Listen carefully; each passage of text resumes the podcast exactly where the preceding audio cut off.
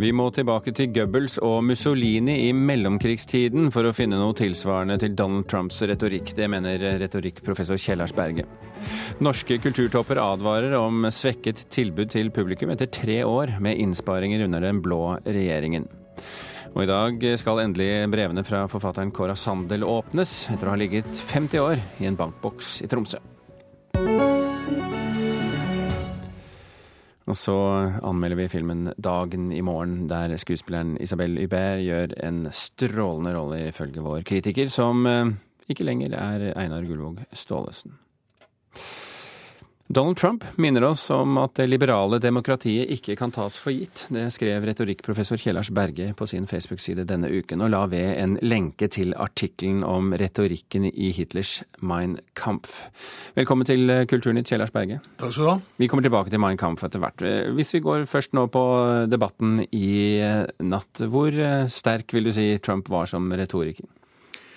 Du, Han begynte sånn forholdsvis bra, dvs. Si han oppførte seg sånn noenlunde anstendig. og Det forutsetter vi jo i et liberalt demokrati at man skal gjøre. Man skal snakke sak, og man skal respektere motstanderen, men det gikk jo fullstendig over alle støvelskaft til slutt. Og han bekrefta jo det som jeg skrev noen dager før da, på Facebook-sida, at denne mannen har problemer med å akseptere valgresultatet. Han er altså et en person som på en måte ikke aksepterer det, det, liberale demokratiets spilleregler. Han er rett og slett i stand til å forestille seg og legge vekt på overfor sine velgere at det er mulig at dette valget er en konspirasjon.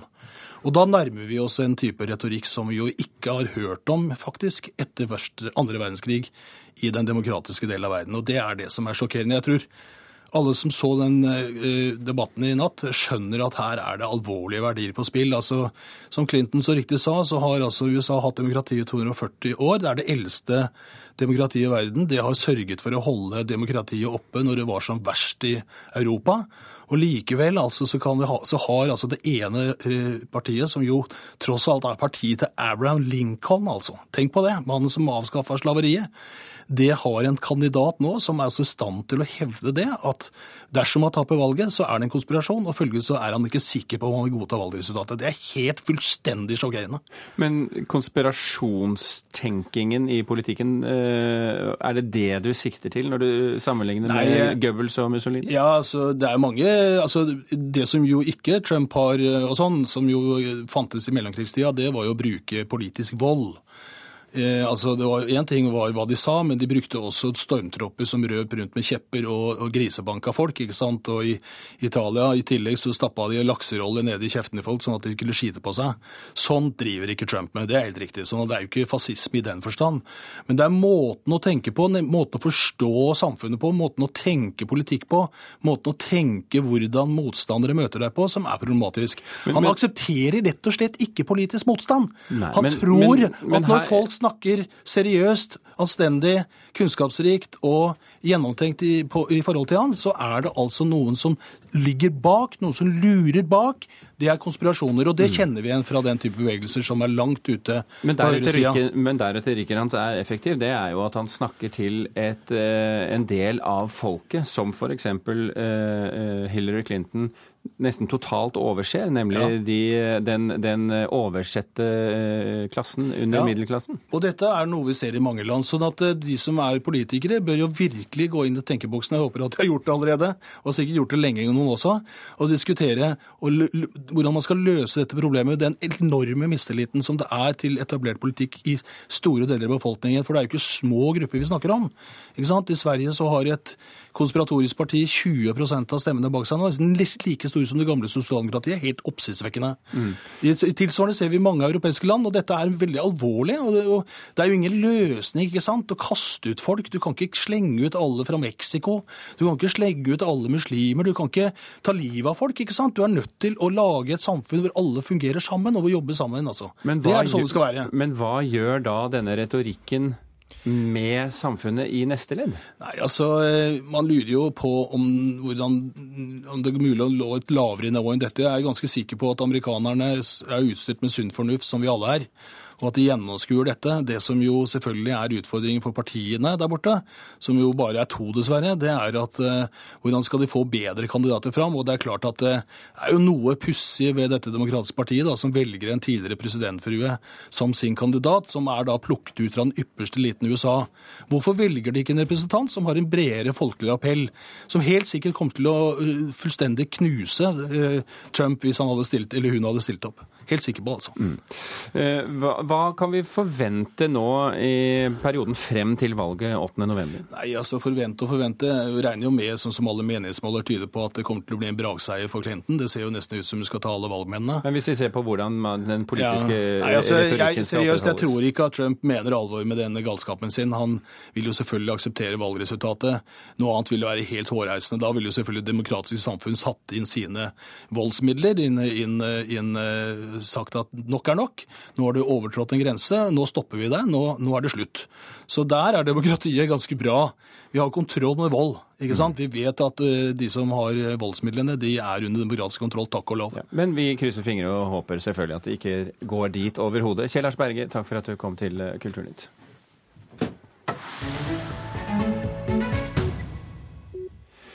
Norske kulturtopper tror publikum snart vil merke et svekket tilbud etter tre år med, regjeringens såkalte frihetsreform. Denne politikken har ført til at staten dekker en stadig mindre andel av utgiftene, og det bekymrer kulturledere som denne uken var samlet til den årlige publikumskonferansen. En konferanse som også er rammet av budsjettkutt. Ja, vi uh, var spente, vi. Uh, klokken 10 6.10. Og ble jo rett og slett helt sjokkert når vi så at uh, vi var foreslått strøket. Det sier daglig leder i Norsk publikumsutvikling, Ingrid Handeland. Organisasjonen med fire medarbeidere hjelper 150 medlemsinstitusjoner i norsk kulturliv med ulike tiltak for publikumsbygging. Nå kan NPU miste statsstøtten på 2,2 millioner kroner hvis budsjettforslaget fra regjeringen blir vedtatt. For eh, organisasjonen MPU så er det sannsynlig at vi da må legge ned, rett og slett. Så det er klart det er jo en spesiell omstendighet. Regjeringens kuttforslag kom uten forvarsel. For med det ferske budsjettkuttet som bakteppe var 280 kulturtopper denne uka samlet i Stavanger konserthus til NPUs årlige konferanse. Regjeringens eh, kulturbudsjett uttrykker en klar ambisjon om å satse på kultur som næring. I den sammenheng så er det jo et paradoks at man samtidig foreslår å legge ned et av de tydeligste tiltakene man har innen feltet. Sa styremedlem i NPU og kulturhussjef i Bærum, Morten Walderhaug, fra talerstolen. Blant kulturtoppene som reagerer, er også direktøren ved Munch-museet, Stein Olav Henriksen. Det å kutte en bevilgning som er relativt liten, eh, og stanse nå et prosjekt som ser ut til å ha en veldig god dynamikk og levere veldig gode verdier, det er kanskje ikke en fornuftig politikk. Men selv om kuttet i støtten til NPU ble lagt merke til, var det andre sider ved regjeringens kulturbudsjett som bekymret mer blant kulturtoppene på konferansen. Det som skjer nå med samarbeid og en større fokus på inntekter, er bra. Eh, samtidig så må ikke det bli en sovepute for det offentliges ansvar for å sørge for at vi har et kulturliv i Norge som er mangfoldig og som er spredt over hele landet. Altså, de holder på med denne effektiviseringsbiten sin som gjør at man underkompenserer for pris- og lønnsvekst. Det, det begynner å tære på oss, for det er jo i realiteten snakk om kutt. Sier sjefen for Trøndelag Teater, Christian Seltun. Den blå regjeringens frihetsreform, som den heter, har handlet om at kulturlivet tvinges til å øke egeninntekter fra billettsalg og private sponsorer. Men det har vist seg å være lettere sagt enn gjort. Det har i stedet blitt en sparereform. Det mest naturlige for seg er jo selvfølgelig at aktivitetsnivået vårt går ned. For oss så er det én million mindre for hvert år. Så nå er det tre millioner mindre å lage kunst for enn i 2014. Sier sjefen ved Rogaland teater, Arne Nøst. Eh, så det går utover hva vi faktisk er i stand til å produsere. Og mens de gamle institusjonene får stadig mindre å lage kunst for, øker regjeringen satsingen på kreativ næring. Bl.a. skal Innovasjon Norge fordele 30 millioner kroner, og det skal opprettes et kulturnæringskontor utenfor Oslo. Blant skeptikerne er ballettsjefen ved Den Norske Opera og Ballett, Ingrid Lorentzen. Rett og slett ikke skaff mer byråkrati i kunsten, men at de midlene skal gå til å skape fantastisk kunst og gå til kunstnere. Det har vært mitt hovedanliggende hva gjelder Nasjonalballetten Ung, vårt nye kompani, som finnes til med minimalt med midler det sitter veldig mye kompetanse på eksport, på næring, i de etablerte institusjonene. Så min oppfordring vil jo være bruk oss som kan det. Reporter her, det var Anette Johansen Espeland. Svein Harberg, leder av familie- og kulturkomiteen på Stortinget. Velkommen til Kulturnytt. Takk for det. Forstår du kulturlivets bekymring? Ja, jeg forstår at uh, disse som er aktører der ute, kjemper for sine bevilgninger. Og gjerne vil ha både full kompensasjon for lønns- og prisvekst og penger i tillegg til det. Uh, det forteller de oss tydelig, og de har gode begrunnelser for det. Men så er det jo sånn at vi har ikke bare friske penger å putte inn i dette budsjettet. Det er det som er realiteten. Eh, jeg har reist rundt i et par år og snakket med de og sagt at dere kan ikke vente at pengestrømmen bare øker og øker. Og da må vi se på de pengene vi har, og hvordan vi kan bruke de. Mm. Og vi har jo en historie eh, fra den rød-grønne regjeringen som, eh, med, med Enger-rapporten som viste at ja, det ble satt mer penger inn på feltet, men det ga ikke økt kulturproduksjon og ikke økt kulturbruk. Da må vi se hvordan vi kan omdisponere de pengene. Eh, Bård Vegar Solhjell, kulturpolitisk talsmann for Sosialistisk Venstreparti, velkommen til deg også. Eh, forstår du kulturlivets bekymring? Ja, jeg tror det er to ting som nå skjer. Det ene er at uh, tre år med ganske grå budsjetter, ikke sånn dramatiske kutt enkeltvis, men tre år på rad begynner nå å merkes. Og særlig forskjellen til en rekke andre felter der bevilgningene øker kraftig. Mens kultur har stått stille, så ser vi at andelen av statsbudsjettet som brukes på kultur, har gått betraktelig ned. Det merkes som vi hørte her mange steder i kulturlivet. Men det andre er nok òg en viss innholdsdreining. Kanskje satt på spissen, så um, der, der, der, noen av oss, når vi hører et uh, musikkstykke eller går i teater, tenker 'Å, så vakkert', så virker det alltid som Høyre tenker 'Oi, hvor mange hotellseter, eller hvor mange senger, hotellsenger, eller hvor mye salg kan det gi?' Altså en tenkning der kultur blir veldig næring. Men disse tingene henger da sammen? Det gjorde det da også for din regjering? Ja, absolutt. Eh, men jeg tror den eh, altså viktigste er å forstå at kultur i seg sjøl, hvis det er god kvalitet og mange vil se det, er jo det som skaper næring. For da kommer det flere publikummere. Da selger man mer mat og drikke siden av. Da jo. skapes det arbeidsplasser og næring. Jo, men La meg arrestere deg litt på det, Solhjell. For mm. uh, dette med eh, kultur og næring som eget uh, politisk uh, fenomen, det startet jo lenge før den blå regjeringen. Startet jo under, under Stoltenberg-regjeringen. Absolutt. Og det, jeg finnes jo ikke kritisk til det. Kultur skaper jo arbeidsplasser. Det bidrar til næringsutvikling i seg sjøl. Så hvor ligger problemet? Og, og, ja, hvis jeg får lov til å snakke ferdig nå så, under tvil. Under, takk. takk. Så, så, er det jo nettopp det at det å styrke Ta og si en festival, da. Hvis du får flere og bedre festivaler, så kommer det flere mennesker. Det selger mer, det skaper næringsutvikling. I tillegg så har vi en rekke institusjoner, sånn som Norsk publikumsutvikling, som vi her har hørt om, som jo bidrar til hvordan kulturen kan nå mer ut, altså skape bedre økonomi, mer næring. Mm. Og, og, det eneste regjeringa har gjort i det budsjettet, det eneste satsinga de har, det er altså 70 millioner til en, en kulturnæringssatsing, som, som vi hørte her, er å bygge opp et kontor, et nytt byråkrati for det. Jeg tror det er en stor feilvurdering å gjøre det istedenfor å satse på det som er kulturens kjerneoppgave, som både da utvikler bedre kunst og kultur, og gjennom det når flere mennesker. Heime. Ja, For det første så er det jo lite Høyre-folk. Eh, både Vegard Solhjell går på teater og musikkopplevelse. For opplevelsen er nok en helt annen enn å telle hotellrom, så det er sagt. Og så er det flere satsinger eh, i dette budsjettet. Mange har hengt seg opp i denne, men her er en korsatsing, her er mer satsing på Talent Norge, så der er, der er absolutt satsinger. Eh, men det er nå engang slik at vi ønsker, og der har vi en felles interesse, vi ønsker mer kultur. Vi ønsker flere kulturarbeidere som vil satse. Og så ser vi det at eh, eh, en er blitt veldig avhengig av hvilke vedtak som gjøres på Stortinget til enhver tid. Jeg legger merke til at Solhjell vil ha det som en prosent av budsjettet. Ja, jeg vil ha penger ut til kultur som utløser kultur enten budsjettet går opp eller ned. For det, er nemlig poenget at hvis du knytter det opp mot en prosent, så skal det altså gå ned når budsjettet går ned, når de frie midlene går ned. Det er en gøyal teori, selvfølgelig. Men her forteller jo kulturlivet, og mange kilder som vi snakker med, eh, og dette er jo ikke hvem som helst i kulturlivet heller. Eh, dette er eh, de viktigste bærerne vi har omtrent, de vi har snakket med på denne konferansen. Og alle sier at nå begynner de å merke nedgangen.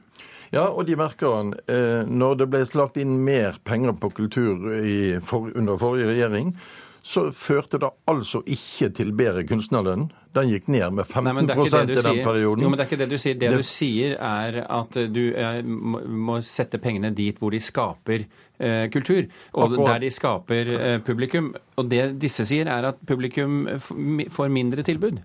Jo, men det er ikke det historien forteller. For når du satte inn mer penger til de store institusjonene, så ga det ikke mer publikumstilbud. Men det er ikke det derfor vi snakker om her, nå, Derfor vil vi nå si at vi satser på de tingene som kan utvikle den biten. Det å ha et næringsperspektiv på kulturen, det har vært en mangelvare i utdanningene, det har vært en mangelvare i de miljøene rundt de. Derfor er det jo sånn at en del av de pengene som nå Innovasjon Norge får, de skal jo kanaliseres ut fem steder i landet, der en skal bygge apparat rundt disse kulturarbeiderne, slik at de kan få komme seg fram, og de kan leve av kulturen og få næringen inn som gode støttespillere. Det er, det er mye mer behov for pengene i kulturen sjøl enn i et apparat rundt dem. Da skapes det mer og bedre kultur som når ut til flere. Det er jo det som er næringen rundt kultur. Og så syns jeg Harberg snakker seg litt vekk fra det. I Norge så er skole og utdanning og helse og kultur i stor grad offentlig finansiert. Det er ikke flaut. Men, og vi må ta vare på det, for det er det som er bibliotekene og kulturskolen og alt det som er den vanligste kulturen rundt omkring i Norge. Vi er nødt til å runde av på dette tidspunkt. Bård Vegar Solhjell og Svein Harberg, takk for at dere kom til Kulturnytt. Klokken har passert 19 minutter over åtte. Du hører på Kulturnytt, og dette er toppsakene i Nyhetsmorgen nå. Donald Trump nektet å love å godta valgresultatet dersom han taper i november. Ifølge meningsmålinger var det Hillary Clinton som vant nattens debatt mellom presidentkandidatene. Tvungen lønnsnemnd kan bli nødvendig for å sikre samfunnet, tror eksperter om streiken blant eh, lokomotivførerne. Og Russlands president Vladimir Putin er villig til å forlenge våpenhvilen i Aleppo i Syria.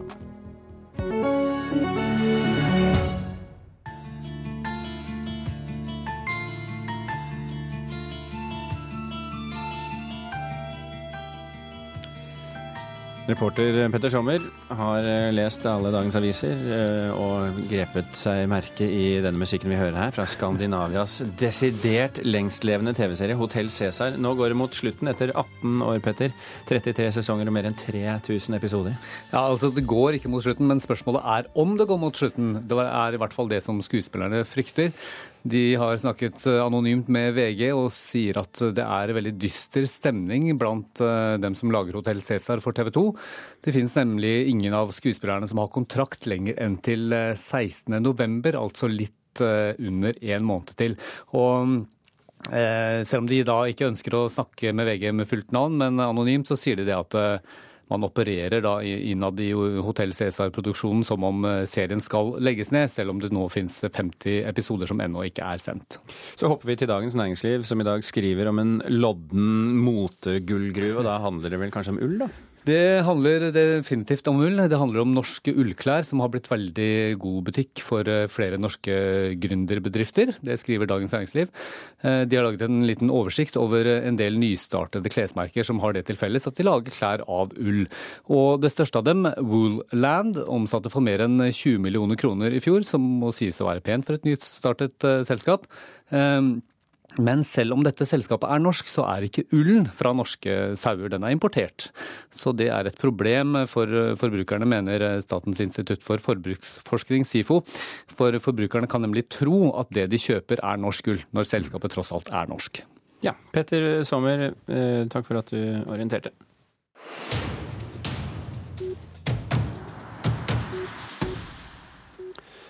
Den franske filmen Dagen i morgen vant en sølvbjørn i Berlin for beste regi tidligere i år. Filmen får strålende kritikker, terningkast seks i Aftenposten f.eks. Og vår filmkritiker Birger Vestmo syns Isabel Hubert spiller strålende i et intelligent drama om livets foranderlighet. T'as intérêt à ça, sinon je. Mm. Den franske regissøren Mia Hansen Løve imponert med DJ-filmen Eden. Med dagen i morgen returnerer hun til noe av den samme tematikken fra hennes første filmer, Le Père de Mes Enfants og Tout est pardonné. Det handler om familieforhold satt under press, og hvordan relasjonsdynamikken endrer seg med tida. Dagen i morgen er et intelligent drama som ikke tar i bruk unødige virkemidler for å skildre konsekvensene av et brudd, bl.a. takka være Isabel Huppert, som spiller med sår innlevelse og høy troverdighet. Historien som fortelles, kan i perioder virke tilsynelatende vag og retningsløs, men til sist fremstår det her som en god observasjon av livets foranderlighet over tid. Moi aussi, j'ai une grande nouvelle à t'annoncer. Mon mari et moi, on se sépare. Je vais divorcer. Divorcer Nathalie, spilt av Isabel Huppert, er en aktiv filosofiprofessor i Paris. Hun er gift med likesinnede Heinz, spilt av André Marceau, og sammen har de to barn som nå har flytta ut. Deres dager fylles med poesi, litteratur, diskusjon og undervisning av kunnskapstørste elever. Så skjer det flere ting, uavhengig av hverandre, som plutselig gir Nathalie en ny type frihet som hun ikke helt vet hva hun skal gjøre med. Pense, mes enfants sont partis, mon mari m'a quitté, ma mère est morte, j'ai retrouvé ma liberté. Une liberté totale. J'ai jamais connu ça. C'est extraordinaire. Mia Hansen Løve bruker god tid på å introdusere ekteparets tilsynelatende lykkelige og innholdsrike liv. Figurskildringene overbeviser med godt skreven dialog, fine stemninger og små problemstillinger som til sammen utgjør en troverdig helhet. Når det hele ramler sammen, og Heinz flytter sammen med en annen kvinne, reagerer ikke Nathalie med hyl, skrik og overdreven dramatikk, men med tilbakeholdne utbrudd med en underliggende sårhet over alt det tapte. Je libère la place. Mais enfin, c'est pas la dernière fois que tu viens. Mais évidemment que c'est la dernière fois. Qu'est-ce que tu t'imagines Dagen i morgen er en vellykka film om en kvinnes veivalg etter et samlivsbrudd. Det handler ikke først og fremst om valgene hun faktisk tar, men hvordan hun stiller seg til det å plutselig ha uønskede valgmuligheter. Nathalie må i bunn og grunn finne opp livet sitt på nytt, uten å ville det sjøl, og filmen forteller overbevisende om hvordan en slik frihet på noen måter kan virke både skremmende og innskrenkende.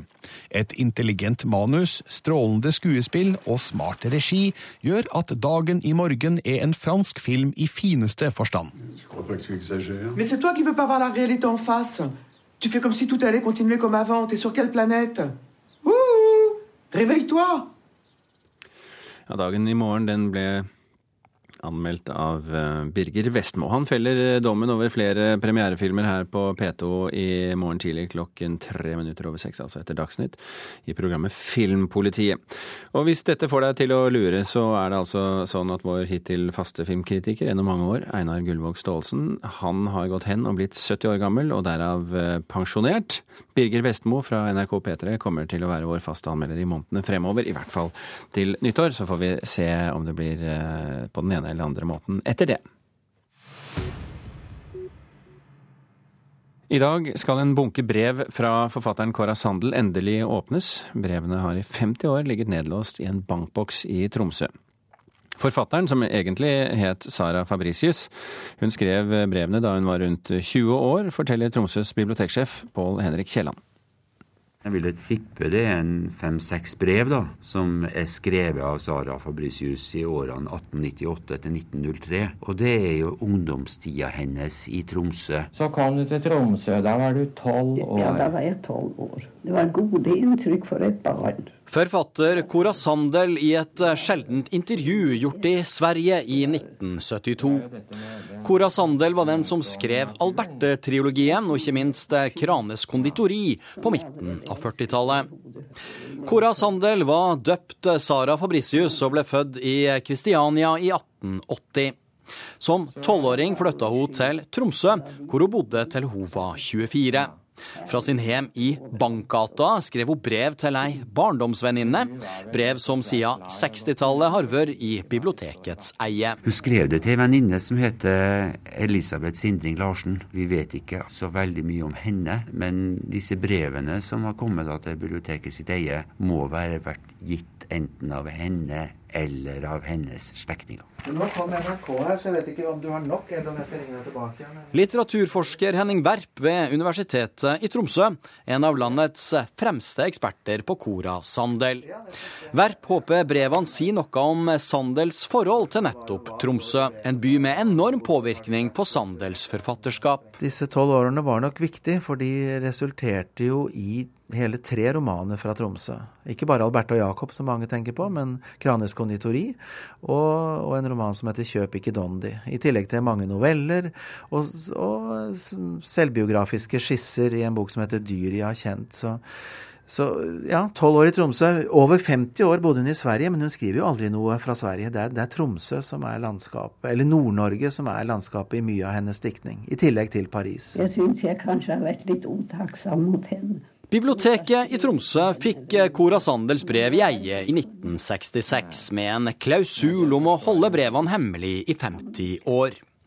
Henning Werp tror ikke klausulen henger i hop med brevenes innhold, men heller om Cora Sandels personlighet. Jeg tror kanskje giveren mer har gjort av respekt for, for Cora Sandel selv at hun er en privatperson. Det er liksom aldri mye sånn støy rundt Cora Sandels liv og levned, til sammenligning f.eks. Med, med Knut Hamsun, ikke sant, der det raser en debatt annethvert år. Sånn er det ikke med Sandel. Og du kan følge åpningen av Cora Sandels brev fra klokken 13.00 på nrk.no. Reporter i Tromsø, det var Rune Norgård Andreassen. Kulturnytt er i ferd med å runde av nå. I dag har du kunnet høre at vi må tilbake til Goebbels og Mussolini i mellomkrigstiden for å finne noe tilsvarende Donald Trumps retorikk. Det sa retorikkprofessor Kjell Lars Berge. Tone Staude og Birger Kåser Aasund takker for følget. Han har vokst opp med narkomane foreldre og med en narkoman bror. Morten Joakim har tatt sin egen sterke historie til scenen. I dag er det nypremiere på forestillingen 'Fire begravelser og ett bryllup'. Det er fortellingen om livet til Morten Joakim, og han møter du i Kulturhuset klokka 13 på P2.